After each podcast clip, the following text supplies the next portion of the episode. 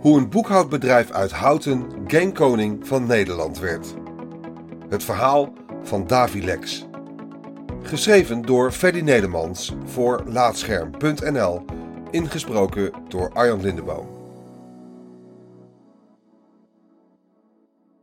Toen op 27 oktober het nieuws naar buiten kwam dat oud-voetballer Hans Kraai senior was overleden, moest ik niet alleen denken aan zijn voetbalkwaliteiten, maar ook aan het fantastisch droge commentaar van deze gentleman in competitiemanager. Het bracht me terug naar een tijd waarin veel van de games die ik speelde van Nederlandse makelij waren. De tijd van Davilex. In competitiemanager nam je een team uit de eredivisie, toen nog bekend als de PTT KPN Telecompetitie, onder je hoede. Je mocht niet alleen de lijnen op het veld uitzetten, maar was ook verantwoordelijk voor de uitbreiding van het stadion en kon opdracht geven om de tegenstander om te kopen of slaapmiddel in zijn thee te stoppen tijdens de rust, wat zich overigens regelmatig tegen je keerde. Toch is Davilex bij velen vooral bekend als uitgever en ontwikkelaar van games als A2 Racer en de Red Cat serie. Dat terwijl competitiemanager veel dichter bij de oorsprong van Davilex ligt het maken van administratieve software.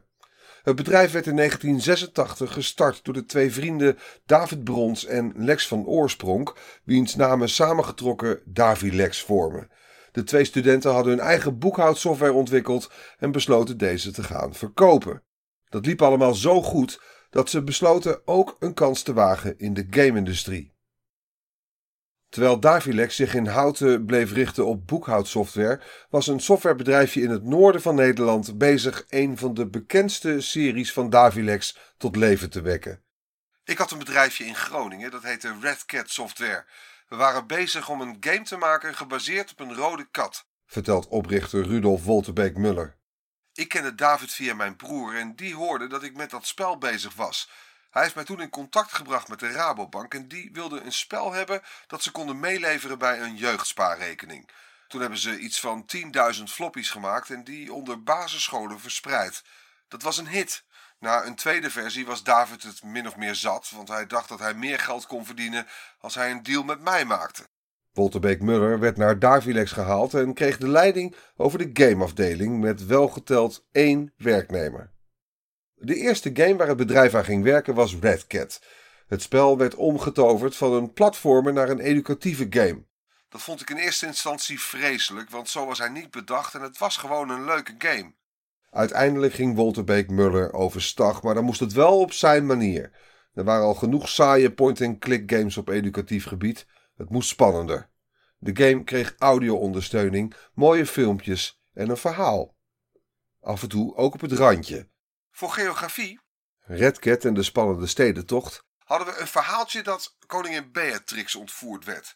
In het introfilmpje zit een shot waarin Brutus, de gemene bulldog, een Colt 45 tegen het hoofd van Beatrix houdt. Dat was wel even iets anders. De Redcat games waren niet meteen een verkoopsucces. Toch hield Davilex vertrouwen in de studio. Er was zeker vertrouwen, want we konden een heel nieuw kanaal aanspreken en er was ook interesse vanuit de retail om dit te doen. In die tijd was er ook meer geduld. Uiteindelijk hebben we een megapack gemaakt met meerdere Red Cat games en dat was een hit. Naast de Red Cat games staat Davilex voornamelijk bekend om Competitiemanager en de A2 Racer games. Allemaal titels met een duidelijk Nederlands tintje. Een afgewogen keuze, zo blijkt. De filosofie van het bedrijf was om de games zo Nederlands mogelijk te maken. Concurreren met de vermogende buitenlandse ontwikkelaars was geen optie. Je moet iets anders doen, want als je hetzelfde doet als de rest, dan heb je geen kans om op te vallen. Aldus Wolterbeek Muller. Een van de manieren om op te vallen was de toevoeging van Nederlandse sportcommentatoren aan de voetbalgames. En door de racegames plaats te laten vinden op de toen door files overspoelde snelweg A2. Voor een eerdere voetbalgame, het EK96 voetbalspel, had Davilex commentator Jack van Gelder binnengehaald om het commentaar te doen. Later bleek dat het team vergeten was om het woord nul in te laten spreken. Nogal belangrijk bij een voetbalgame. Van Gelder wilde niet terugkomen en had er ook geen behoefte aan dat de Davilex-ontwikkelaars met microfoons bij hem langs zouden komen. Uiteindelijk is het iets wat onconventioneel opgelost. Iemand heeft het ingesproken alsof hij Jack van Gelder was en niemand heeft er ooit iets van gezegd. Dus blijkbaar hebben we het goed gedaan. Zo'n beslissing past bij de excentrieke stijl van Davilex. Het ging allemaal net wat anders dan bij de grote buitenlandse ontwikkelaars. Dit leverde verkoopsuccessen op, maar niet per definitie goede games. Zeker niet volgens de Nederlandse gamepers die de games afbrandden. Dat was vreselijk. Voor ons als ontwikkelaar gaat dat rechtstreeks naar je hart. Dat was heel pijnlijk. We schaamden ons altijd wel voor een groot deel, omdat we altijd van die slechte reviews kregen. We hadden een continue strijd met de gamepers. Die begreep gewoon niet wat we aan het doen waren. Die beoordeelde in feite goede tijden, slechte tijden op dezelfde manier waarop ze House of Cards zouden beoordelen. Dat kun je gewoon niet vergelijken qua budget. Toch bleek Nederland te klein voor de ontwikkelaar.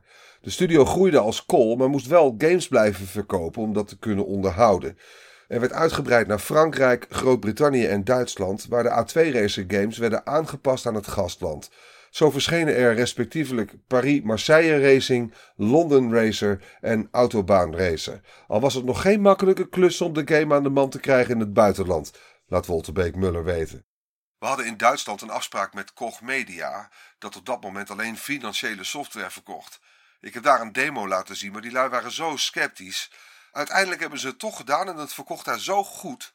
Als grappig bijeffect is Koch Media nu een van de grootste game distributeurs van Europa. De productie moest nog verder opgeschaald worden dankzij de buitenlandse deals. Toen Duitsland erbij kwam, ging het super hard. We zijn gegroeid en gegroeid. We konden op een gegeven moment nauwelijks mensen vinden die echt iets op game development gebied konden. Als je met 3D Studio een kubus kon maken, dan vonden we je al een held. Ik denk dat we op die manier ook veel mensen hebben opgeleid die later weer elders aan de slag zijn gegaan. Over de vraag of hij het succes ooit had verwacht, hoeft Wolterbeek Muller niet lang na te denken. Absoluut niet. Ik wilde heel graag succesvol worden, koste wat het kost. Maar dat het zo, tussen aanhalingstekens, makkelijk zou gaan, is niet te bevatten. Het ging zo snel, jaar in, jaar uit, groei, groei, groei, verdubbelen, verdubbelen, verdubbelen. Het is bijna poëtisch dat deze groei uiteindelijk ook aan het begin stond van het einde van Davilex Games. Er werden te veel mensen aangenomen en de verkopen begonnen te dalen.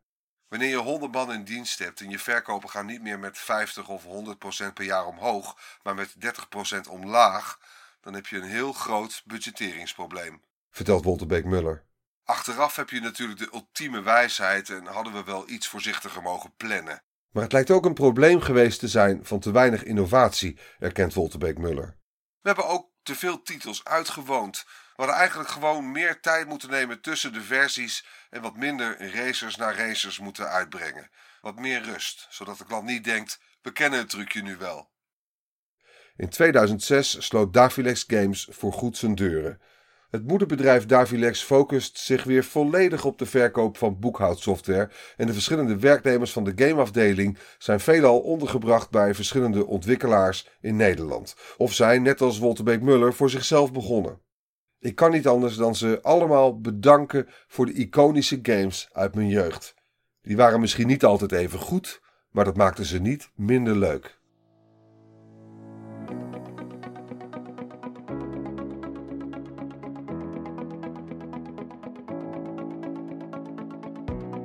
Dankjewel voor het luisteren naar Laatscherm voorgelezen.